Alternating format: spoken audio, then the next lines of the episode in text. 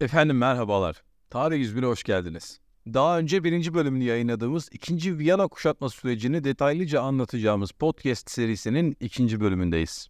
Serimizin ilk bölümünde Osmanlı ve Avusturya'nın genel durumunu, sorunların ortaya çıkışını ve Osmanlı'da köprüler dönemi olarak adlandırılan devrin nasıl başladığını anlatmıştım. Bu bölümde ise Köprülü Mehmet Paşa'nın 1661 yılında vefatına yakın günlerde padişahı telkinleriyle vezir-i azamlık makamına gelen Köprülüzade Fazıl Ahmet Paşa dönemini ve Köprülü'nün evlatlığı olan Osmanlı'nın kırılma noktasında aldığı bütün kararlarda imzası bulunan Merzifonlu Kara Mustafa Paşa'yı konuşacağız.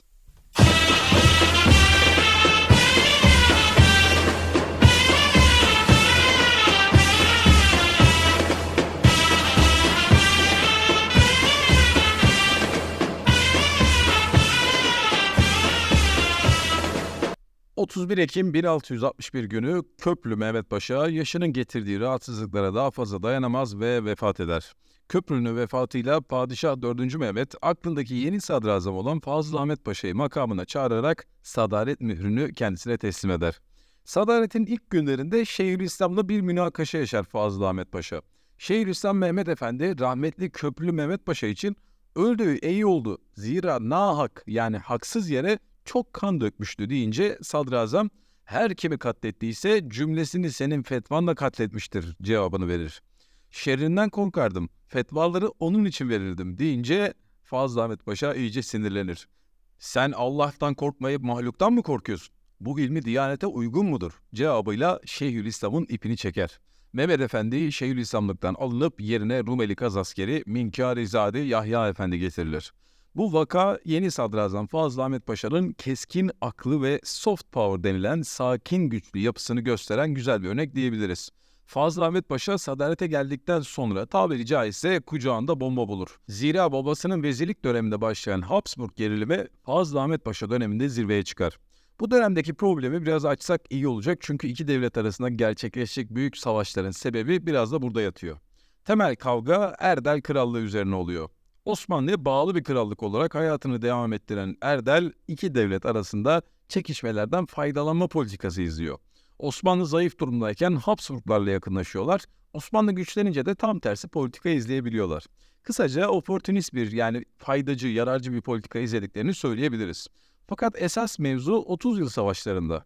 Erdel Krallığı Osmanlı'nın telkinlerine rağmen bu savaşa aktif olarak katılır. Hatta İsveç ve Fransa Rakoçi aracılığıyla Osmanlı'ya Avusturya karşısında savaşa katılma çağrısı yapar. Fakat Osmanlı Avusturya ile yapılan anlaşmaya sadık kalarak reddeder. Westfalia Anlaşması'nda da bağımsız bir devlet gibi anılan Erdel Osmanlı'yı iyice rahatsız eder. O yıllarda Osmanlı, İran ve Venediklerle mücadele ettiği için Erdel Kralı Rakoçi iyice başına buyruk hareket etmeye başlar. 1648'de krallık makamına gelen 2. Rakoçi de ilk zamanlarda Osmanlı tabiyetini devam ettiriyor fakat ilerleyen zamanlarda Protestan ve Katoliklerle işbirliğine giderek Avusturya'nın tepkisini çekiyor. 1652'de bölgeye giden Hasan Ağa isimli bir devlet adamı payitahta bu durumla ilgili bir rapor gönderiyor. Hasan Ağa raporunda Avusturya'nın şimdilik sulha taraftar olduğunu bildiriyor ve şu şekilde devam ediyor. Din ve devlet gereği gibi kayırır devletlüsün uhdemize lazım olan ahvali sultanıma bildirmektir. Ferman sizindir. Hasan Ağa kulları bu tarafın ahvaline vakıf olmuştur. İki üç gün oturdum. Kaç yerden feryatçı gelmiştir. Müslümanları Komran'a getirip el ve ayaklarını kırıp burun ve kulağın kesip karnın yarıp nice hakaretle şehit eylemişlerdir. Yine sulh ve salahı kuvvetlendirmek için Eğri'ye gönderilen çavuş şehre varıp tembih eyleyip dönerken 5-600 kafir önünü kesmiş, Solnuk yakınında Çavuş ve yanındaki gazilere saldıran Şakiler birini şehit ve dördünü esir etmişlerdir. Gün geçmez ki feryatçı gelmeye. Benim devletli sultanım, Macar'ın boy beyleri olan Zirinoğlu, Bakanoğlu, Nerajedoğlu ve Forgaç 10 bin miktar asker toplayıp Harbi kalede oturup müşavere ve cemiyet eylemektedirler. Onların bozuk fikirleri ve yanlış kararlarına vakıf olmak için kendi içlerinden muhtemet casuslar gönderilmiştir.'' İfşa ettikte beyan eyledikleri doğru haberleri anlatıldığı üzere hakkı izzetle ilam ederiz. Hasan Ağa'nın bahsettiği gibi Macar beylerinden bazıları Avusturya ile savaşa girişilen süreçte Habsburglara yardımcı olacak. İlk bölümde Rakoçi'nin nasıl Osmanlı'ya karşı isyana kalkıştığını anlatmıştık. Bu süreçte Avusturyalılarla işbirliği yapması Osmanlılarla Avusturyalılar arasında pamuk ipliğine bağlı ilişkileri kopartan gelişme oluyor. Osmanlı kuvvetlerine yenilip hayatını kaybeden 2. Rakoçi'nin yerine kimin geçeceği ise yeni kavga konusu oluyor. Osmanlı Devleti kendine yakın gördüğü Ekos Barçka'yı yeni Erdel Kralı tayin ediyor. Rakoçi'nin yakınları ise Rakoçi'nin sağ kolu olan General Kemeni Yaloş'un etrafında birleşiyor. Krallığı ele geçiren Kemeni ilk fırsatta Osmanlı'nın atadığı Barçka'yı öldürüyor. Osmanlı'nın kendisini tanımasını isteyen Kemeni bölgede bulunan Serdar Ali Paşa'ya müracaat ediyor. Ali Paşa sadakat testi olarak oğlunu rehin göndermesi teklifinde bulunuyor. İlerleyen günlerde Osmanlılar Erdel kralı olarak Apafe Mihail adındaki bir soyluyu seçtiriyor. Barış sağlanmış gibi görünse de huylu huyundan vazgeçmiyor efendim. Habsburglar Erdel'e ait bulunan birkaç kaleyi zapt edecek. Bu durumda artık Avusturya ile savaşın çok yaklaştığını bize net bir şekilde gösterecek. Avusturya ile ilişkilerin gergin bulunduğu 1662 yazında Padişah 4. Mehmet, Sadrazam Fazıl Ahmet Paşa'ya yıllardır süre gelen Venedik belasını halletmesi emrini veriyor. Zira Osmanlı'nın Venedik üzerine açtığı sefer o günlerde 17. yılına girmekteydi. Venedik toprakları üzerine bir kara sefere çıkmak üzereyken Avusturyalıların sınır ilerleri yaptığı ve kalelere saldırdığı yönünde birçok yerden ani haberler gelmeye başlar. Bunun üzerine Venedik yönüne açılan sefer Avusturya yönüne doğru kırılır. Sen ki veziri azamsın ve serdar ekremsin. Mukaddema Bosna tarafına sefer murad olunup ve cümle muhimmat hazır olunmuş iken hala Nemçe keferesi sulhü bozup bunca palangayı ihrak ve bunca Muhammed ümmetin esir edip ve bundan maada bizden daha kala ister. Ecdadı izamım kefereden kale ala gelmiş iken düşmeni dine mülk ve kaleler vermek dinimize uygun düşer mi? Filvaki devlet ve saltanata layık, ümmeti Muhammed'e faydalı iş edesin. Vüzeram ile ihtiyar kullarım ile ve sipah ve yeniçeri kullarımla meşveret edip hangi iş faydalıysa ona mübaşeret edesin ve bana bildiresin. Padişah tarafından Fazıl Ahmet Paşa'ya gönderilen bu hattı şerifin okunmasından sonra Sadrazam divanda bulunanlara bakın ümmeti Muhammed bu Nemçe keferesi padişahımızın büyük düşmanıdır ve askeri çokluğuyla meşhur keferedir. Frenk keferesi yani Venedikleri kastediyor. Frenk keferesi ancak deryada pehlivan ve hilekardır. Çünkü Frenk'in karadan yüzü yok ve karadan bir işe kadir değil. Balık sudan çıkar misalidir. Tut ki 5-10 sene Frank taifesi kaladan dışarı çıkmaz. Çıksa dahi padişah vilayetini vurmaya kadir olmaz. Bu sene dahi tehir olsun yani ertelensin. Bu tarafta Nemçe ahvalin görelim. Zira Nemçe büyük düşmandır. Geri alıkoymak muhaliftir. Zahiremiz ve cephanemiz iki tarafta mükemmeldir. Hemen Nemçe seferine niyet olunsun diyerek kısa bir hitabette bulunur. Divanda bulunanlar bu görüşü makul bularak sefere onay verir. Avusturya'da ise seferden dolayı bir panik hasıl olur. Alelacele elçiler yoluyla barış görüşmelerine girişilir. Baron Goes adındaki bir elçi Osmanlı ordusundan önce Belgrad'a vararak orduyu beklemeye başlar. Fazıl Ahmet Paşa şehre girer girmez elçi tarafından görüşme talebiyle darlanınca sadrazam sinirlenir. Ne oldu da bir iki gün tehir etsinler yoldan henüz geldik diyerek elçiyi tersler. Sonraki günlerde yapılan görüşmelerde Avusturyalılar Sekelhit ve Kolojvar adı verilen Erdel yakınlarındaki işgal ettiği kalelerin kendilerine bırakılmasını isterler ve bunu barış şartı olarak sunarlar. Haliyle sadrazam da konuyu padişaha danışmak için bir telhis yani rapor gönderir. Padişahın bu telhise cevabı keferenin bizden kale istediğini yazmışsın. Eğer devletime layık ise viresiz. Ecdadımı izamım kefereden kale ala gelmişken şimdi biz kefereye nice kale veririz. Bu hitap üzerine sadrazam tekrar terlisle azametli ve şevketli efendim neye layık değildir. Hemen inayeti Mevla ile düşman üzerine azim bir sefer edelim ki ta kıyamete kadar dillerde destan ola diye cevap veriyor. Belgrad'da barış görüşmeleri sonuçlanamayınca Osman orduları Serdar Ekrem Fazıl Ahmet Paşa önderliğinde bu dine doğru yola çıkar. Burada gerçekleştirilen divanda hangi bölgeye harekat yapılacağı tartışılır. Bu nokta önemli çünkü ileriki seferlerde de yani bu Uyvar seferinden sonraki seferlerde de e, bu noktalar çok tartışılır hale gelecek. Yanıkkale bölgesinin dağlık ve engebeli olması, Komra'nın suyla çevrili kale halinde olması başka bir seçeneği ön plana çıkarıyordu. Uyvar olarak bilinen bugünkü Slovakya topraklarına doğru gidilmesi kararlaştırıldı. 15 Ağustos 1663 günü Uyvar kapılarına dayanıldı.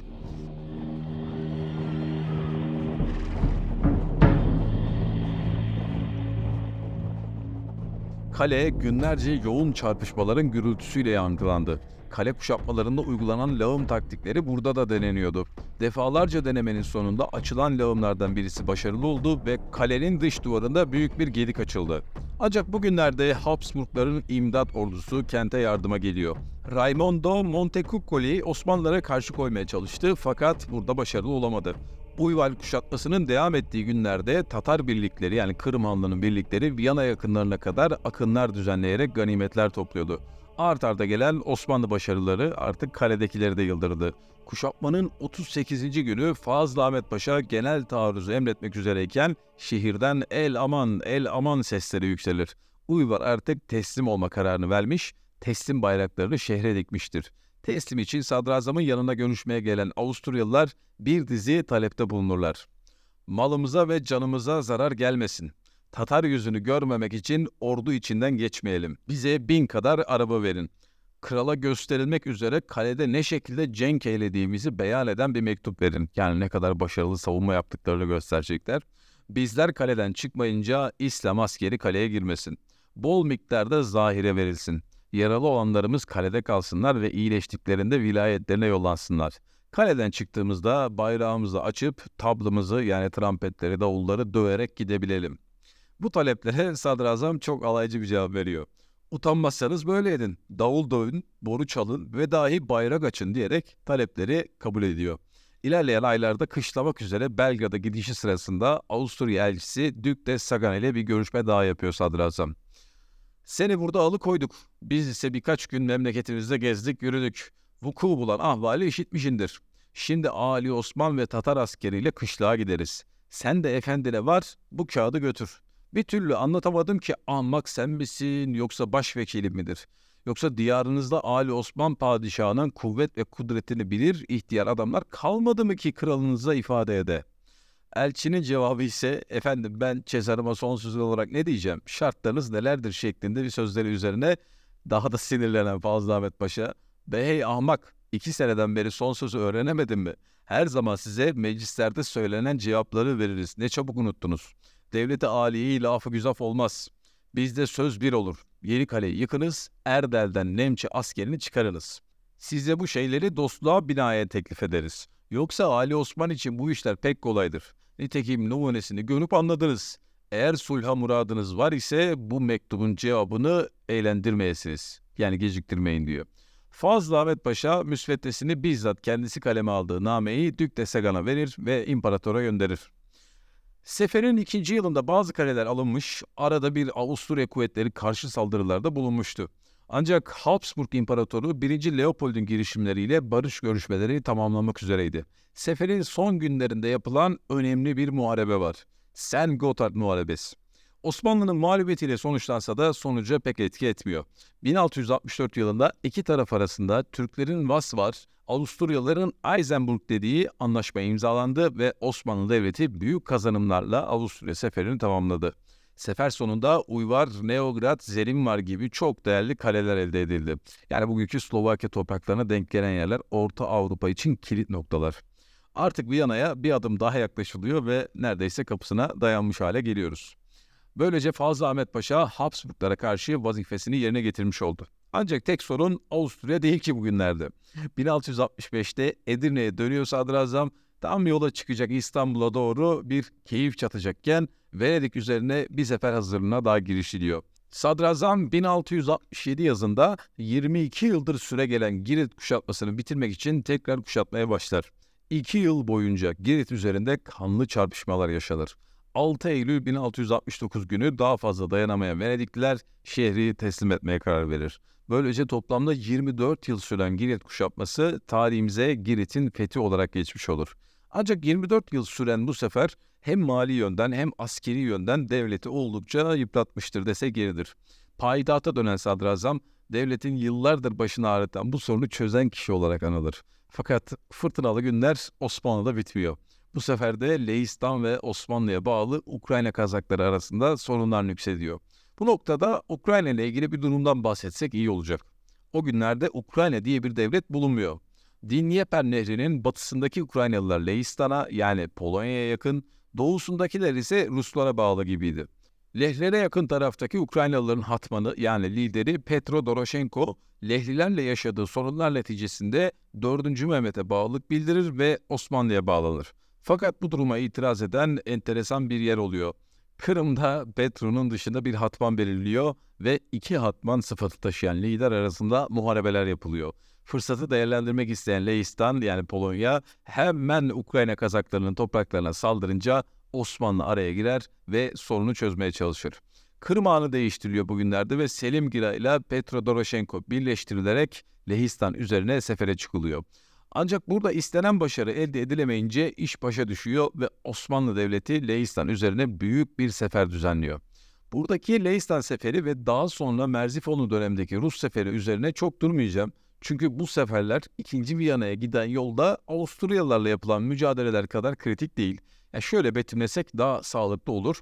Osmanlı'nın Leistan ve Rusya üzerine yaptığı bu iki sefer kısa zaman sonra Viyana kapılarındayken karşısına çıkan düşman sayısını arttıracak seferler oluyor. Bu devletler Kutsal Roma Cermen İmparatorluğu bünyesinde oluşturulan Holy League yani Kutsal İttifak'a dahil olarak bizi faciaya götüren süreçte düşmanlarımız olacaklar.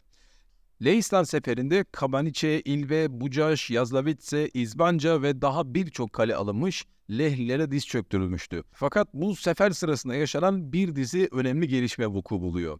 Sefer devam ederken Lehistan kralı Mihail ölmüş ve 1674 yılında Leh tacını Yan Sobieski adında birisi takmıştı.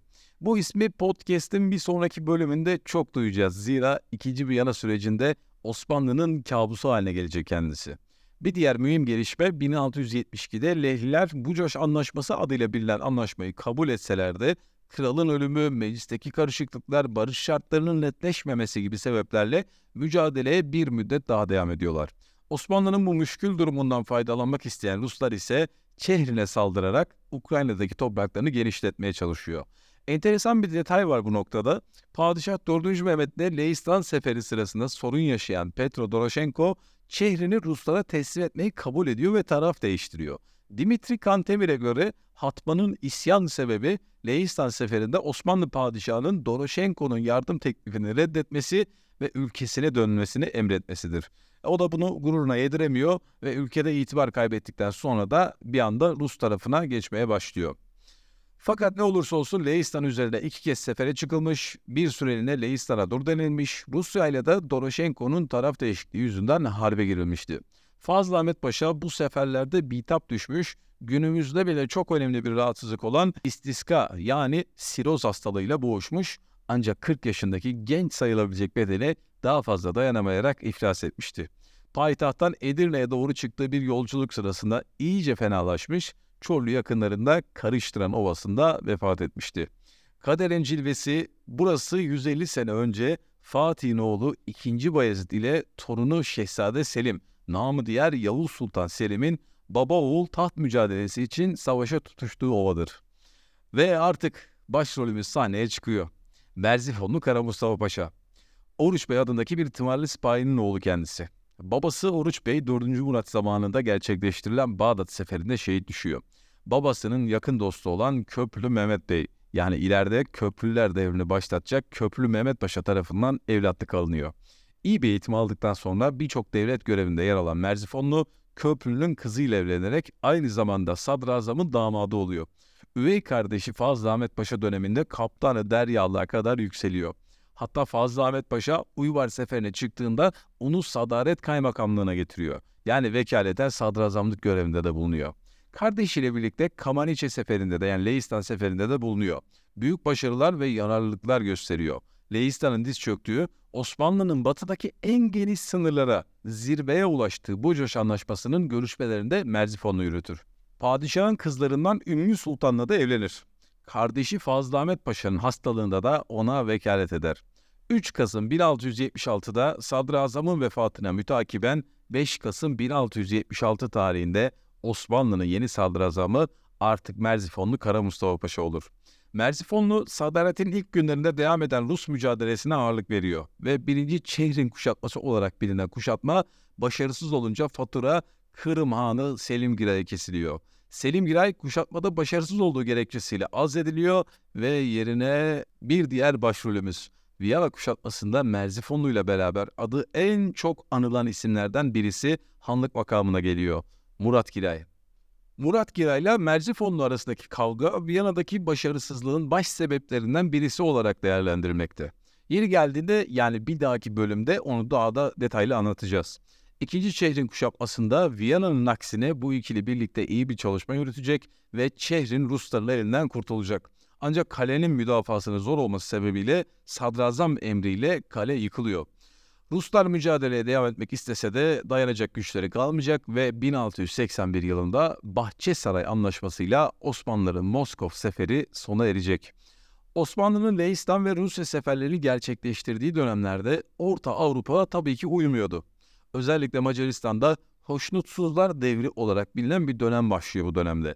Hoşnutsuzlar olarak bilinen bu ekip Avusturya ile Osmanlı arasındaki savaşın bu şekilde bir anlaşmayla sona ermesini istemeyenler diyebiliriz kısaca. Yani bu durumdan memnun olmayanlar, Macar çıkarlarını uygun bulmayanlar olarak kısaca anlatabiliriz bunu. Macar asilleri arasında tertiplenen Vesselenya komplosu olarak bilinen bir olay da var. Anlaşma sonrası Habsburg İmparatoru 1. Leopold'e karşı bir komplo girişiminde bulunuluyor. Fransa ve Osmanlı ile yakınlaşmaya başlıyor Macarlar ve bu asilzadeler gizli görüşmelerde bulunuyorlar. Ama bu hareket enteresandır. Osmanlı baş mütercimi tarafından Viyana'ya haber edilince hareketin elebaşları yakalanıyor ve birçokları idam ediliyor. Mallarına da el konuluyor. Bütün bu süreç sonunda İmparator 1. Leopold özellikle Kuzey Macaristan'da ciddi bir baskı yönetimi kuruyor. Tabiri caizse Macarlara kan kusturuluyor bugünlerde. İşte bu komplo hareketine katılan Macar asilzadelerinden birisi İstvan Tököli. İstvan da Avusturyalılar tarafından öldürülecek fakat oğlunun canını kurtarmayı başaracaktı. Oğlu ise tarihimizde yine bilinen bir isim. İmre Tökeli. İmre önce 1672'de Osmanlıların Leistan seferini gerçekleştirdiği günlerde Osmanlıların himaye isteyecek fakat vaziyet uygun olmadığı için Osmanlılar teklifi reddedecek. Ancak Leistan ve Rusya üzerine yapılan seferler sona erip de gözlerin tekrar Avusturya üzerine döndüğü günlerde vaziyet uygun hale gelmişti. İmre ve Macarlar bir kez daha Osmanlıların kapısını çalacak. Karşılarında da hırslı sadrazam Merzifonlu Kara Mustafa Paşa'yı bulacaklardı. İki taraf arasında yapılan görüşmeler cehennemin kapılarını sonuna kadar açacaktı. Bu noktada biraz da meşhur sadrazamımızın e, mizacından, karakterinden de bahsetmemizde fayda var. Çünkü bu konu çok tartışılıyor. Çok üst üste e, farklı yerlerde tartışıldığını gördüm. Kendisinden kaynaklar şu şekilde bahsediyor. Zeki, vakur, cesur, yetenekli bir asker, iyi ahlaklı fakat çok mağrur yani çok gururlu, ikbal ve şöhrete düşkün, inadı, sertliği, kin tutuculuğu ve kalp kırıcılığı gibi yönleriyle ön plana çıkıyor. Belzifonlu'yu seven çok seviyor, düşmana da dibine kadar nefret ediyor. Zaten bu hususları da Viyana sürecinde bol bol göreceğiz. Efendim bugünkü bölümümüzün sonuna geldik. Bir dahaki yani üçüncü bölümde tekrar Avusturya yönüne dönecek, Macar-Habsburg ilişkilerinden detaylıca bahsedecek ve Merzifonlu'nun tarihe geçmek gayesiyle başlattığı o ihtişamlı fakat felakete dönüşen Viyana seferini anlatacağız. Son bölümümüzde ise Viyana'nın devamında yapılan kutsal ittifak savaşlarını masaya yatıracağız. Bu bölümleri hazırlamak için ne kadar emek verdiğimi tahmin edemezsiniz. Sadece tek bir bölüm için bile bazen bir satır için bile defalarca kez farklı kaynaklar okuyup çok fazla yerde araştırma yapmam gerekiyor. Bu yüzden de emeğin karşılığı olarak tabii beğendiyseniz e, lütfen Tarih 101 paylaşarak ilgilisine, e, meraklısına ulaşmasını sağlayınız. Ayrıca bize destek vermek için Spotify profilimizdeki Buy Me a Coffee linkine tıklayarak bize kahve ısmarlayabilir ya da çok faal olarak günden güne büyüyen Twitter ve Instagram sayfalarını takip edebilirsiniz. Pişman olmayacağınıza garanti veriyor. Buraya kadar dinleyen herkese teşekkür ediyorum. Güzel bir hafta diliyorum. Görüşmek dileğiyle. Hoşçakalın efendim.